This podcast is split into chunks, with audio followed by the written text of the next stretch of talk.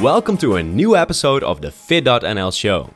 In this podcast series, we interview researchers, athletes, and experts within the field of nutrition training and lifestyle. I'm Coach Jeroen of Fit.nl, and today's topic is nutrient timing and the anabolic window. So, the main question today is Do you need to run to the dressing room for your protein shake for optimal recovery? How important is protein and carbohydrates directly after the training? And what is the time window? We can only ask this to one person, and this is nutrition scientist Alan Aragon. He is known for his expertise in the field of nutrition timing and the anabolic window. Besides this topic, we'll be discussing the optimal protein amount, frequency, and late night protein feeding, and lots of other interesting questions. But before we start this conversation, a small word from our sponsor, and today we are our own sponsor. So, if you are located in Europe and you like to hear more episodes like this, we sell our own supplements for a fair price only products that work backed by the latest evidence. So, if you want to support the show, buy your supplements from the fit.nl shop. That can be found at shop.fit.nl. So, enough promo for now. Let's start this episode. Hey, Alan, welcome to the show. Thank you for having me on, Jerome. Yeah, we're going to talk about the anabolic window, nutrient timing. Uh, before we dive deep, deep into this topic, uh, first I want to know what's your favorite meal uh, after your training. Boy, anything that that I can fit in my mouth, basically. Uh, um, I really love, I really love protein shakes, man. I, I, I love this particular mocha protein shake that I make. It's just a like two cups of coffee and a cup of ice, the equivalent of a couple of bananas. Uh, and now, you know, I used to put two scoops of protein powder in that. I put three scoops of protein powder. Uh, yeah, I, I have a feeling it goes straight to the muscles as long as I have it within five minutes of the last set, you know? Yeah, sounds like a good protein bowl. So uh, perfect. Um, actually, maybe that's enough to finish up this topic. Maybe uh, maybe that's enough uh, enough information. Yeah, that's all you need uh, to know. That's it. Yeah, perfect. Thanks for having me on, man. okay. Uh, we're going to talk about the anabolic window and nutrient timing. Uh, I know who you are. I've been following your work for uh, quite some years. I've been following your research review, but also the papers you put out, and it's really interesting. But I think there are also some listeners that don't know your work. So, can you give us a short introduction? Sure. I am one of the forefathers of the evidence based movement in the fitness industry. And when I say forefathers, I mean at least 20 years back when uh, Lyle McDonald was like the only dude out there um, with a heavy emphasis on a research basis for recommendations. And so um, I sort of uh, slid in from the side uh, as I just uh, finished my, my master's degree uh, back in 2001 ish. And uh, just started gaining momentum and snowballing from there as I, I worked in, in private practice uh, in nutritional counseling uh, until about 20 until about 2010 or so. And uh, I, I, had been doing personal training uh, from the early 90s to to the early 2000s and so uh, from the from 2010 or so till right around now is when the emphasis shifted to a lot of uh, research. And actually, ever since 2013 is when I started uh, publishing and working with other researchers on various projects, various trials and reviews, etc.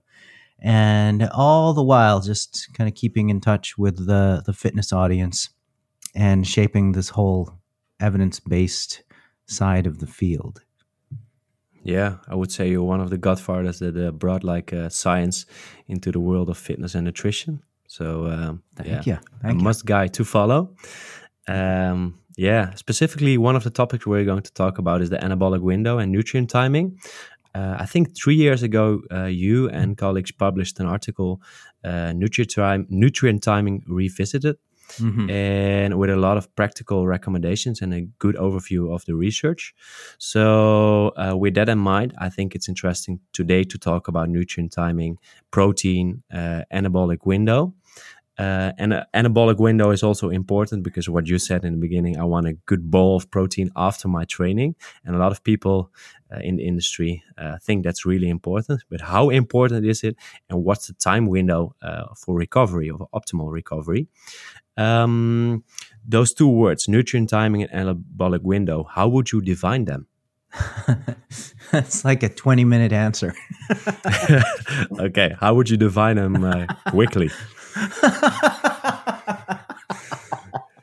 um, uh, well, okay, the anabolic window is a concept put forth by Ivy and Portman back in 2004 when they wrote their book Nutrient Timing. And so these guys were interested in muscle growth, but they were looking at research that focused on glycogen resynthesis for endurance purposes. So it was a little bit of a uh, liberally done context switch on their part. It was a little bit of a leap. Uh, there wasn't a lot of research that uh, spanned beyond the acute phase or, or the short term, just a few hours after the training bout, measuring glycogen synthesis, muscle protein synthesis, etc. So uh, they took some research that showed that if you ingested quickly digested carbohydrate and and um, quickly digested protein and or amino acids in combination after training, then you can spike muscle protein synthesis. And of course, expedite glycogen resynthesis. And so this this time window that they proposed post exercise where all this magic happens is roughly within an hour after the training bout.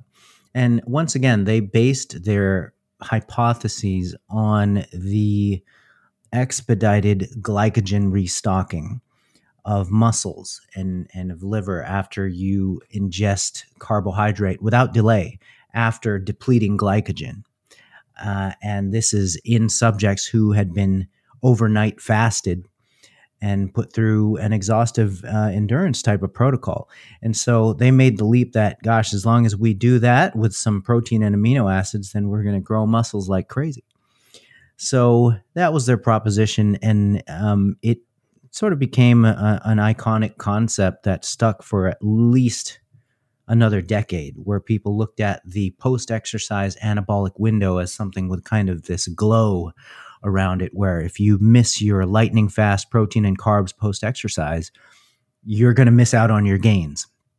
And so uh, when Brad and I got together initially and started um, doing our research projects, we questioned the idea that there's this narrow post exercise anabolic window in which if you don't have specific types of nutrients, then your gains are, are going to be severely compromised. We questioned that because there had been a series of trials after the 2003 2004 period when Ivy and Portman originally proposed their idea.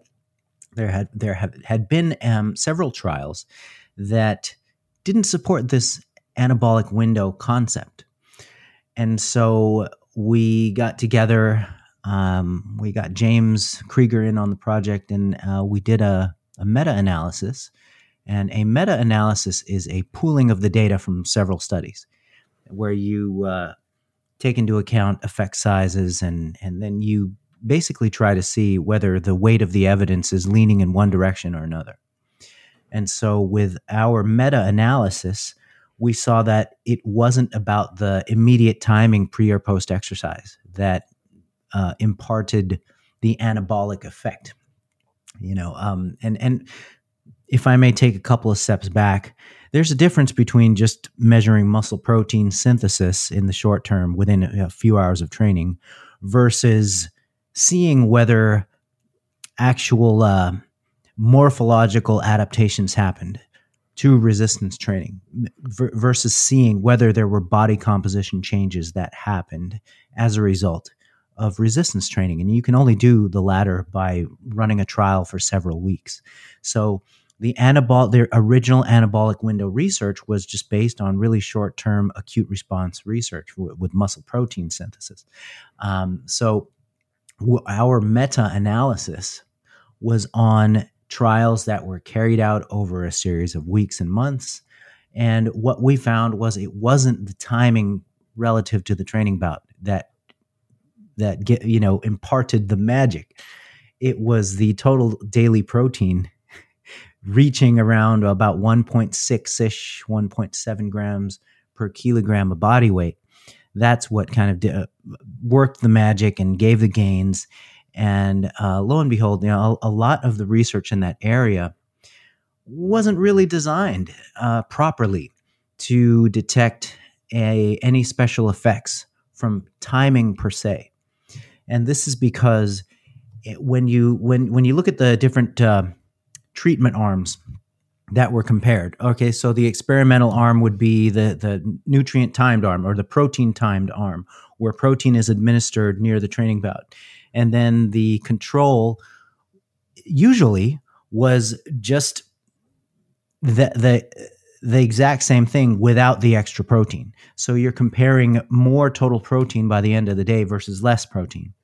And so, of course, more protein supplemented near the workout is going to have superior effects if you don't match the control condition with with the same amount of protein even it, and in in this particular case you would place it elsewhere other than in the anabolic in quotes anabolic window period so it's a little bit of a complicated story but um, there were studies within the meta-analysis that w- we sub-analyzed that actually did match protein total daily protein between the two conditions compared. And you know, when when protein is matched, it doesn't matter whether you have the protein immediately um, before or after the training bout, or whether there is up to a two-hour delay pre and or post exercise to have protein. Yeah, um, that's so, a paradigm shift actually from yes. the view, view before that's uh, interesting. But still, you have like a feeling of the importance of, of, of protein, or the feel you have with ah, it, it should be important because it was the old paradigm. Um, do you completely leave that uh, way of thinking, or do you still think it's still a little bit important? Maybe like it's there's a small difference in in in, in muscle uh, recovery. It um, if you like fully optimize it, yeah. Technically, uh, technically, it, it it it still might not matter for the goal of building muscular size and strength, and and um, we have to take into consideration the limits of our meta analysis. So we only compared uh, conditions where it was immediate timing, pre or post, versus a two hour delay. And so yeah. we can't say for certain that if you go three, four, five, six hour delay, you're going to have the same kind of recovery and growth. But we can say pretty confidently if there's two hour lags in the in the window, you'll you'll still be fine. And then there's the other part of the discussion that says it probably isn't a good idea to to purposely wait two hours if your yeah. goal is muscle growth because then you are missing an opportunity to feed so yeah. you're missing an opportunity for a protein dosing. And so that would be a bad thing if your primary goal was muscle growth.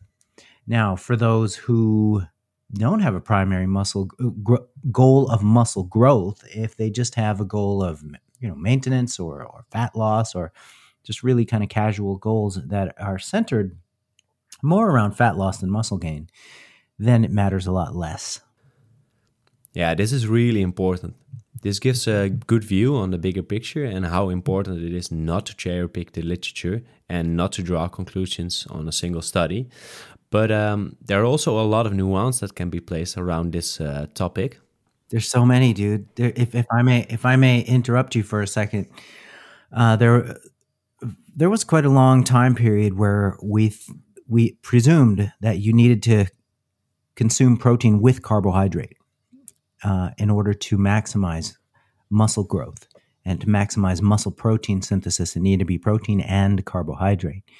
But this was only in studies where the protein dose was insufficient to kind of max out that short term anabolic response.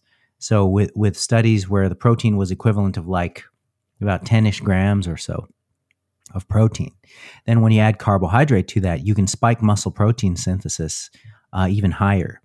However, when the protein dose is 20 grams, 30 grams, 40 grams, uh, then any additional carbohydrate does not add to that n- even net anabolic response of, of mm. that particular meal. So that was something, uh, that discovery was corroborated by research uh, by Hulmi and colleagues. I think this was, uh, boy, I'm not remembering the date. I think it was 2010. To, to, wait a minute, 2015 possibly. And he actually ran a longitudinal randomized controlled trial where they uh, examined the effect of protein by itself or protein with carbohydrate. And the protein dose was substantial enough for the co ingestion of carbohydrate to not matter. so, yeah. Um, so yeah, that that's another uh, uh, little nuance that only relative relatively recently was yeah. uh, something that that we we knew with a certain degree of confidence that okay, well, you don't have to have the dextrose with the whey in order yeah. to spike the insulin and the MPS to really get these anabolic effects. Yeah, the MPS is the muscle protein synthesis. I think it was the insulin hypothesis, right? That like uh, in- insulin, because of carbohydrates, picks mm-hmm. up the muscle protein synthesis, but yep. it doesn't really work like this. Protein is enough to do that actually, or maybe even that process is not even important. That's um, right. That's right. Yep. Yeah. Um, then uh, something else. For example, uh, imagine somebody ate like a, a big meal uh, four hours before training uh, with a lot of protein, a lot of carbohydrates. So mm-hmm. like a, like a normal dinner uh, during the day, and you're going to train around 4 p.m. So you're already loaded. Mm-hmm. Um, how would you look at that? Uh, is this still the two-hour time span uh, then something? Because you, because you also have time to digest all the food. Mm-hmm. So how long does it take from the protein in the meal uh, that you had like three hours before your training to digest mm-hmm. and that, that's usable for your body for pro- muscle protein synthesis and recovery. Yeah, the the anabolic effect of a typical sized meal is like four to six hours. If it's a small meal, maybe like three, three to three to six hours. Um, you'll be in a, uh, a relatively fed state. And so, depending on the size of the meal, that's that's a rough ballpark three to three to five hours, three to six hours. And so, um, if you consume a meal, and it's it's pretty typical for people to uh, who don't train first thing in the morning to have consumed some kind of a meal at least a couple hours before training. So they're, they're usually still in the fed state while they're training. And uh, this was a lot of the motivation for my colleagues and I to do the the meta analysis on on the anabolic window thing and also do a randomized controlled trial looking at what might be the difference in training adaptations if you had your protein immediately before training versus immediately after training. Because uh, we hypothesized and just on the, the time course of, of nutrients in the system as the result of a meal y- you don't just eat a meal and then you, your blood levels of nutrients automatically peak as soon as you're done with the meal. It takes an hour at least, one to two hours for blood levels of, of amino acids, um, of even of insulin, etc. Um, blood glucose that stuff peaks like one to two hours after you finish the meal and so anyways we we tested immediate pre-exercise protein versus immediate post-exercise protein on uh, muscular adaptations to resistance training, and there was no significant differences. There, there were little tiny um, differences here and there, but nothing, nothing meaningful in, in particular favor of pre-exercise versus immediate post-exercise for the protein dosing. So yeah, yeah that that was what that was done after we did the meta-analysis. Is, is when we ran this uh, randomized controlled trial comparing that. Uh, that's a really interesting finding. Maybe on beforehand you expect some kind of difference in uh, muscular adaptations. But uh, yeah, cool. Uh, another point, uh, what I wanted to uh, to discuss about is the intermittent fasting studies. Um, with an intermittent fasting regime or restricted time feeding, uh, you usually have like a time window of or four or eight hours, and then you restrict all your food in uh, that time window. Uh, in the literature I've seen so far, um, the muscle mass, the lean body mass, um, and weight loss is the same as uh, a normal diet where you can eat all day. Um, and I know you guys pointed out in your uh, nutrient timing revisited uh, article that you uh, should eat like three to six uh, times a day with protein dosing of 20 to 40 grams uh, a meal. So, um, yeah, that's really conflicting with the results from the intermittent fasting studies. Uh, how would how do you look at these differences, and why is there a difference in in your advice in the article? Yeah, this is the the the. I'll give you kind of the the short answer and then a little bit longer answer. So the short answer to that is the majority of intermittent fasting studies and the variant of intermittent fasting that you and I are discussing right now is time restricted feeding, where yeah. you concentrate your feeding window in a let's say a 6 to 9 hour period within the day instead of the standard like 12 hour feeding window that that's, that's typical. Um, so with this time restricted feeding window, you obviously have less opportunities to add or to increase meal frequency, right? So, um, and indeed, when when you compare time restricted feeding models to conventional, fully spread through the day meal distribution models, then there hasn't been any meaningful difference as far as advantages in body composition goes, if, if anything, there have been advantages towards fat loss with the time restricted feeding windows. And we haven't seen any kind of compromise in the preservation of lean body mass, despite the, the you know, this variant of IF being carried out. But uh, the, the caveat to all of this is that the vast majority of studies testing this model are hypocaloric and so uh, meaning there is a an energy deficit that's being sustained. So it's we've seen pretty consistently that the body is very flexible and forgiving with um, suboptimal meal distribution. So when I say suboptimal, if somebody wanted to take that to an extreme and have one meal a day, uh, they could they could still preserve lean body mass under dieting conditions. Now, if you flip that script over and uh, somebody wants to maximize muscle gain and they only eat one meal a day, it's not only going to have um, physiological challenges in terms of uh, muscle growth, uh, beginning with muscle protein synthesis, but it's also going to have practical challenges in terms of actually uh, eating enough in that one meal and, and being to live with themselves for the next few hours. that they stuff it all down, right?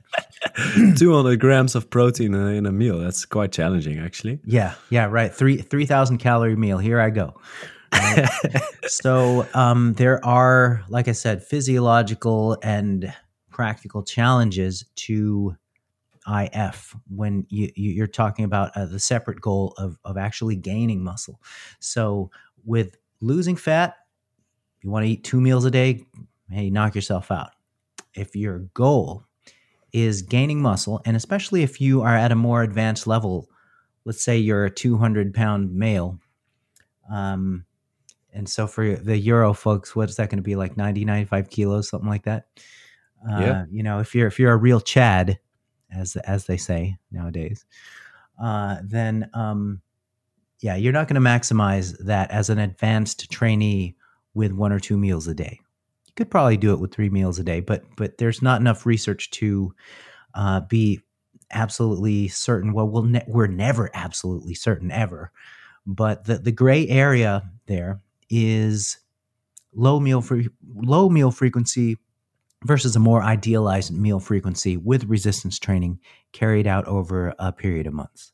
And so that research has not actually been done. So uh, when Brad and I talk about a minimum of four meals dosed at, uh, you know, this ideal uh, minimum amount of protein per meal, we really are speaking in terms of hypotheticals and just uh, observations in the field. Yeah, it also needs to be practical. So I think that's uh, yeah really valuable. Yep. Um, we already giving uh, practical tips, so mm-hmm. let's kickstart that. Um, about protein dosing and the frequency, I read like a lot of advices about two grams uh, per kg um, uh, with protein. Uh, what's your advice uh, on frequency uh, of feeding and on dosing? So, w- regardless of of the regardless of the goal, um, and and here's kind of a, a principle that that whenever a question is asked, the the population and the goal need to be specified. So I'm drawing certain assumptions that we're talking about um, folks like you and me who are total bros, you know. Um, however, the the general population is just fine at well, for at a protein intake of 1.2 to 1.6 grams per kilogram. If they just want to, you know, do do their it's tempting to make fun of of uh, various light forms of exercise here, but um, Pilates was the usual target when we make these kind of jokes. But um, but Pilates can actually be challenging. Um, oh, it's super hard, man. Don't underestimate it. yeah, I, I, I, I underestimated it once to my own peril. Um, oh, so uh, for for the general population, 1.2 to 1.6 grams per kilo is is that suffices. Hmm. Um, for trainees who uh, have a little bit a little bit more a little bit more aggressive goals, they they want to kind of go slightly beyond the norm in terms of uh, muscle size and strength, and then you really want to look at the 1.6 as as a, a baseline intake of total daily protein. So uh, the range that we've found is 1.6 to 2.2 grams per yeah. kilogram of body weight for total daily protein dosing. And if you are, are really kind of struggling with muscle gain, then you you may want to look towards the, you know, the, the the higher end of that range. And then you've got this fringe population who competes in physique type competitions, bodybuilding, physique, and that whole thing, where just observationally they tend to exceed the the 1.2 1.6 to 2.2 range. They typically dabble in the high twos, um, and I've even seen competitors uh, uh, co- consuming about four grams per kilogram of body four, four grams yeah per kilogram of body weight per day. However, yeah, they're still alive. Um, they're still alive. Okay, perfect. this was a, a, an observational study on okay. uh, elite level Korean bodybuilders. I, it's questionable whether they were uh, natural or not, but um, but yeah, there there's a there's an observational study by Andrew Chappell that was put out recently, like 2018 ish. Andrew is a really cool dude, man. Andrew Chappell, and yeah, uh, put it in the show notes. That they the top five placers, the men consumed 3.0 to 3.3 grams per kilogram of body weight. And those out of the top five happened to consume 2.7 grams per kilogram of body weight. Uh, now, this doesn't mean that there's a cause and effect relationship. You know, it doesn't mean that in order for you to place in the top five in natural uh, co- competitions at the national level, you've got to be taking down three grams per kilogram of body weight w- with protein intake. But it's an interesting observation. You know, um, I, I know yet another natural pro who's just unbelievable, and he takes in four grams per kilogram of body weight. Uh, so these guys are eating uh, about double what um, what the normal bro would already be taking in, um, mm. and it's just an interesting observation. I don't think they're. I, I, think once you get into the four grams per kilo realm, um, yeah. that's a little bit. Just get serious. It's pretty damn Yeah. serious. It's a little bit questionable as well. I, I don't. Yeah. I just looking at the body of data as a whole, it's it's hard to justify going past like 2.2 grams per kilo. But you know, you you have these champions hitting about three Yeah. in the natty world. Yes. Yeah, I think this is like something that needs research has to be more done on this kind of topics. Think it has a lot of speculation and it's about this, especially in a practical sense. Um, So we know now about the dosing, uh, but uh, how how much meals do you need to eat? Like, would you say three to five, three to six, four to six? Yes, for the goal of muscle growth specifically, you want to have a minimum of three to four meals in a day, three to four protein rich meals in a day. Yeah. Uh, Brad Schoenfeld and I wrote a paper where we proposed the the protein dose would be point about 0.4 to 0.6 grams per kilo per meal in terms of protein dosing. And then you would have a minimum of four meals in the day with that dosing scheme. And the four meals would be relatively uh, evenly spread through the day. And when you're taking in four meals at 0.4 to 0.6 grams per kilo of body weight, you don't you don't necessarily have to worry about um, timing relative to training because you're all always through the day you're going to be either in the fed state or you're about to be eating anyway. So um, that's kind of the ideal distribution: a minimum of four a day at a minimum dosing of 0.4 to 0.6 grams per kilogram of body weight. Cool. Nice statistics, a lot of calculations, but like the main conclusion is just eat protein, bro. Eat protein, bro. Uh, yes, yes. it okay, comes all out right. about 30 to 50 grams or yeah, so. we per got meal. w- the next topic. I, I got uh, we got a lot of listeners asking these questions about uh, late pr- pr- night, late night protein, uh, especially uh, casein.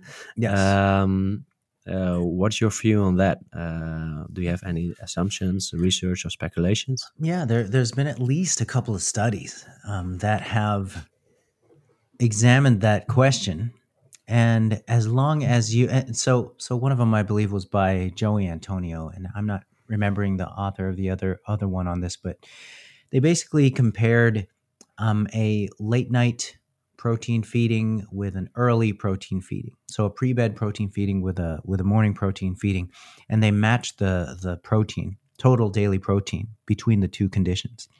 And there was no significant advantage of uh, the late night versus the early morning. So, the, and and the reason that that I'm I'm glad that research was done because up until that point, all of the pre-bed protein studies failed to match protein total daily protein within the control group. So they weren't actually testing exclusively um, the uh, the timing effects of protein. They ended up by default uh, also testing a, a greater total daily amount of protein. So um, I, I'm not knocking the concept of pre-bed protein, uh, uh, but once again, its function mainly is just a, an opportunity to feed. That's what it kind of boils down to in terms of any inherent advantages. So, um, if somebody has a difficult time hitting, let's say they're tr- shooting for 2.2 grams per kilogram of body weight by the end of the day, if they have a hard time otherwise doing that, then hey, pre bed is is an opportunity to to get that protein in. So you know, might as well do it. Uh, however, if somebody is already at like 2.2 kilograms of uh, uh, 2.2 grams per kilo of protein, if they're already there by 6 p.m., they don't have to worry uh, that they need to, uh, you know, at midnight suck down a protein shake. You know. Yeah. If I recall correctly, I think the the study done on this topic is also by Dutchman. Uh, I'm Dutch. Uh, Jorn Trommelen. I th- thought maybe he did uh, also uh, research on this. Yes, Or Jorn has written on this. or Jorn. I don't know how to say. Yeah. he's he's I another good guy, man. He he's a he's a Yeah, good guy. doing He's- good a research. great researcher. Um, Yeah. yeah. They they've done a lot of the the pre bed protein work, but once again, their study designs don't include a control group that has the same amount of protein by the end of the day, or positions the protein elsewhere besides pre bed for a Yeah. direct comparison. So, um, but but yeah, in terms of pulling out all the stops, I'm in favor of spreading protein out through the length of of waking and sleeping. I, I'm a proponent of that. You know, if you can Yeah. get, sheesh, if you can get uh, four, five, six protein dosings in, in the course of a day, uh, as a as a more advanced athlete who's really trying to push the boundaries of your growth potential, um, sometimes that needs to be done, especially if you're a bigger guy and, and it's not as comfortable to be eating um, as much protein per meal. You know that it, then it would be more practical to spread it out. If you think of extreme cases like, let's say, the top ten in, in the Mr. Olympia contest, Yeah. but you know for sure they're going to be um, eating protein upon waking and through the day and then pre-bed. You know, it's just Yeah. the nature of how they need to maintain such a high level of muscle mass. Yeah. And let's be honest, the question for you: Did you ever set an alarm to uh, in during the night to, to, to get your protein in? Maybe in the in, in your bro time when you didn't do any research. I I wish I could say I did. I, I want I want to have that notch in my belt to say I did it, but unfortunately, I'm going to have to disappoint. Ah, yeah. Uh, me neither, actually. Um, yeah. Um, uh, we're going to shift a little bit in forecasting and science. Um, you already talked about a paradigm shift uh, with nutrient timing. Mhm. Um, I want you to forecast uh, the future. Do you see anything, any paradigm shift in the current literature or the current uh, nutrition uh, publications that you think, ah, this is going to change? Can you give us an overview? It's always such a such a big question, such a good question. Um, uh, in in terms of just what's going to get published, I'm seeing a lot more systematic reviews and meta analyses of the existing literature because we have so much we have so much data we have so much results to examine and with the pandemic hitting there's been a real drastic slowdown in in the possibility of rounding up people and and actually doing the the science doing the research with with with real people with live people. It's difficult now. And so one of the paradigm shifts is just taking a couple steps back and rounding up the data and seeing what we can make of it there was this really aggressive forward push of cranking out studies and studies and studies and studies of different different little aspects of what we're trying to examine. And now we're just i think it's kind of time to step back and take a look at the big picture and see whether we can draw practical applications out of what we already know. Uh, so that's one that's one of the big paradigm shifts and and i think that's kind of a good thing you know? Yeah. um, when, when you're trying to look at just different little parts of the elephant instead of the whole elephant. Uh, you can kind of get lost in in the in the the forest you know? So Yeah. yeah, that's that's one of the things i'd say. And and of course what i would like to see I, I which would i for a number of years now what i've always wanted to see was whether we can optimize the the growth conditions with with two separate groups of people um, and have one of them uh, eating less frequently and the other one more frequently and and see if they can gain the same amount of muscle because there's some people who hate the idea of eating more than three times a day you know? yeah. um, and if you can give me a favorite, because you have two groups now, and Mm-hmm. if you would be in the research uh, uh, group, which group would you favor? Which group would win? Uh, you know, I, I'm actually, I'm rooting for uh, if we were to compare three three versus six meals a day, and we were to we were to make it hyper caloric conditions. So there would be a caloric surplus of like let's say three to five hundred calories a day. Let's target five hundred calorie surplus a day, just to error on the side of uh, making growth a little bit more ideal.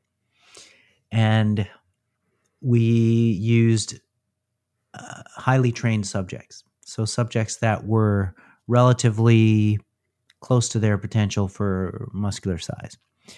And we idealized the training program for muscle hypertrophy. Boy, that, that would be a tough one. Would would it matter if they had more than three meals. I, I wouldn't want it to matter. Yeah. I wouldn't Okay. want it to matter. I'll I'll give you a more easily easily question. What would be your favorite favorite? Three meals or six meals? Me personally, uh, three meals because uh, I don't right? have my goals are not that serious. They're really not. Cool. I'm I'm Cool. I'm a father of two children. I'm a father of two teenagers, so um, I'm I'm just basically trying to maintain a, a men's health kind of level of look here. Yeah. You know, we're Yeah. we're not trying to we're not trying to get to, to get on the cover of Men's Fitness or Flex. So, um, men's health is fine. Yeah. Um, I've seen you two years ago in real life, and you're pretty you're a pretty big guy. So I think you're training enough and you're eating Oh, healthy. man. So flattery will get you. It will get you Yeah, yeah. everywhere, Jerome. Yeah, thanks, man. uh, we talked about uh, the gaps in literature. Are there any gaps or myths that you want to debunk or that really intrinsically motivates you? Yeah. Yes, there are, but they're unstudyable. Uh, so you can't really build trials that would demonstrate what I what I would like to uh, think that that my beliefs are correct on. So, uh, for example, it's it's pretty annoying um, when people push the idea of protein restriction and longevity. So this has been looked at in animal models and and and lower uh, life form models as well, and uh, there there is some basis if you look at things like yeast and worms to say Mhm. that oh we restricting protein increases lifespan, but um, there is a little bit of rodent research and um, there's a lot of uh, observational research anyway showing that restricting protein is antithetical to the goal of uh, longevity and health span when you look at it from the standpoint of preventing losses of lean body mass, which is a huge component of healthy aging. And so, um, yeah, I, I, I would, I, I'm not on board with restricting protein for longevity.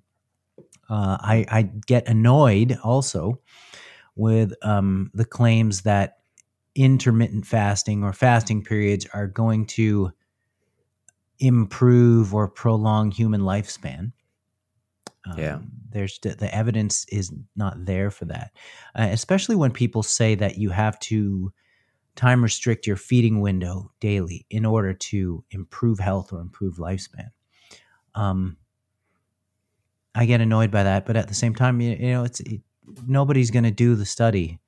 Nobody can do the the study that lasts a couple decades, where um, you follow people who actually train and eat in a, an ideal pattern, and one of them um, does some variant of IF, and one of them just lives kind of a normal life. That Yeah. that study's never going to happen. Um, so those are just a couple. At least we are not going to be the subjects. I think I'm not going to be in. If I hear your story, you also don't want to be in that that subject group. um, I actually we talked to a professor in the Netherlands, Sander Kersten. He did uh, research on this, and he get, had a great overview. And the most of the benefits of uh, intermittent fasting are mostly related to calorie restrictions, and not per se uh, intermittent fasting, but mostly because people lose weight because of a calorie restriction, uh, because of a diet and can be any diet. Um, So people attribute uh, on on wrong reasons uh, the benefits of intermittent fasting. But maybe in future we are wrong, uh, and actually there's going to be a paradigm shift. But the the research is still too like there's not enough research on this. I think. Yes. Um, so and, and even I've- the existing research, Jerome, the existing research, we've a- been able to meta-analyze effects on um, blood glucose as well as blood lipids when we compare linear daily caloric restriction versus um, intermittent caloric restriction. And there's no significant differences between the two types, as long as both types are, are causing weight loss.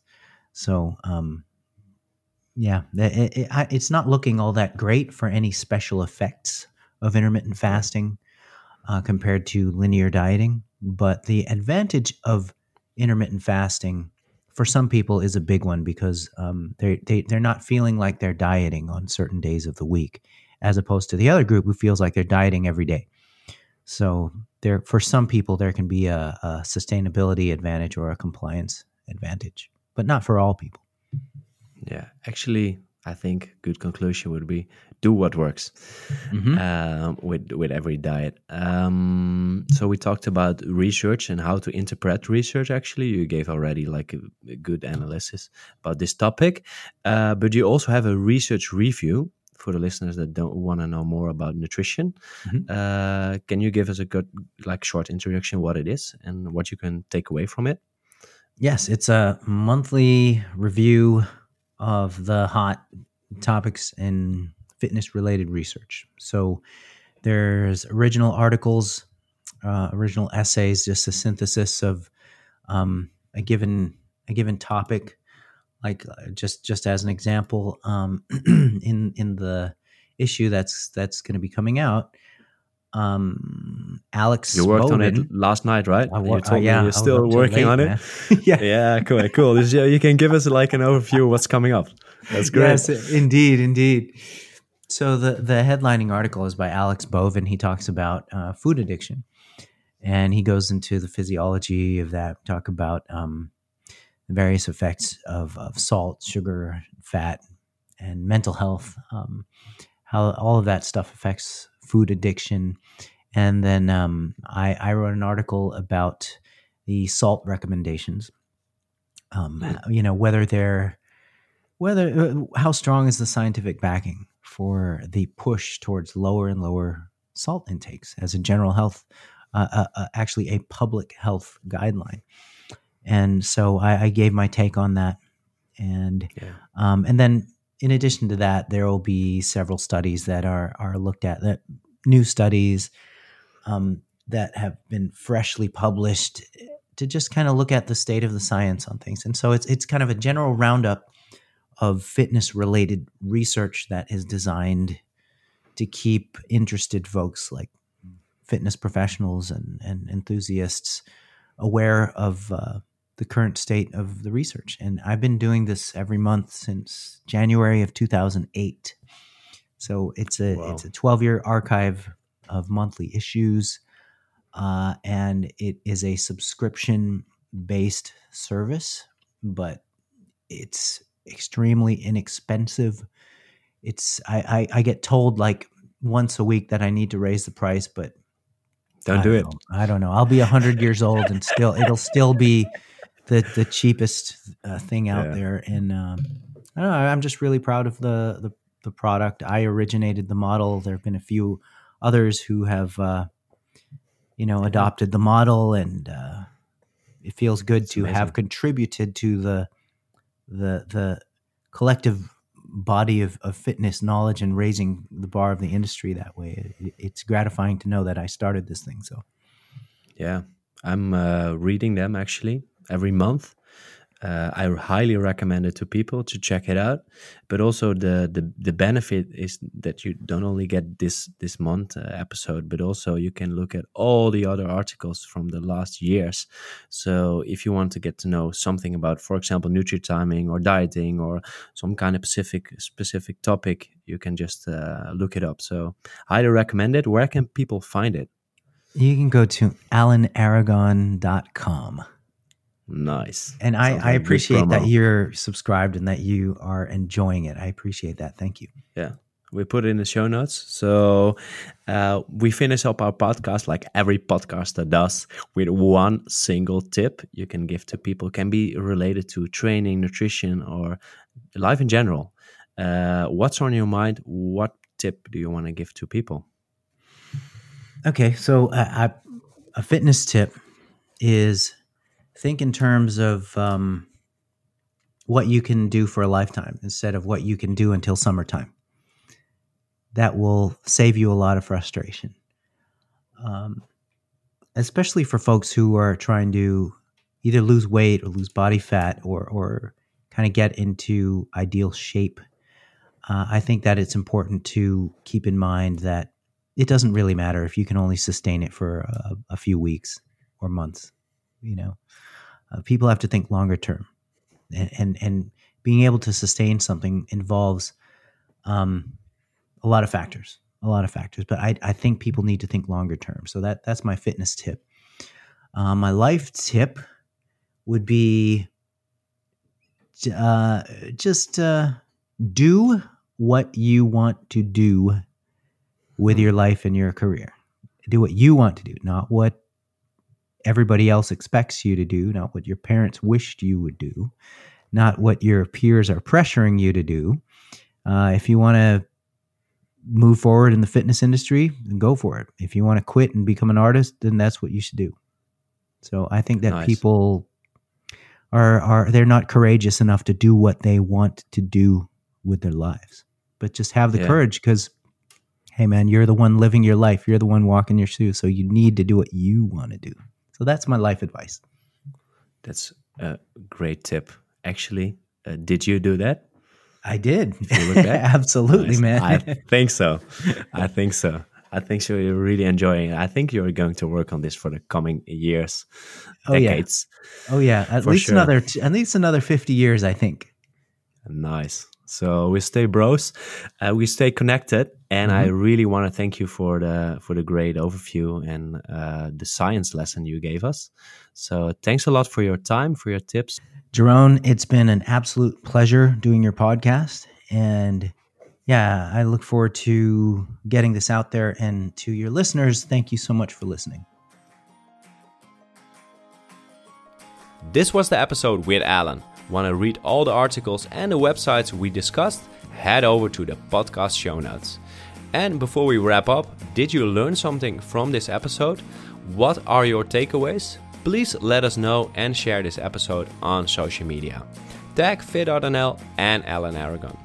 And for the Dutch listeners, subscribe for more episodes related to sports and nutrition. That was it. Thanks for listening.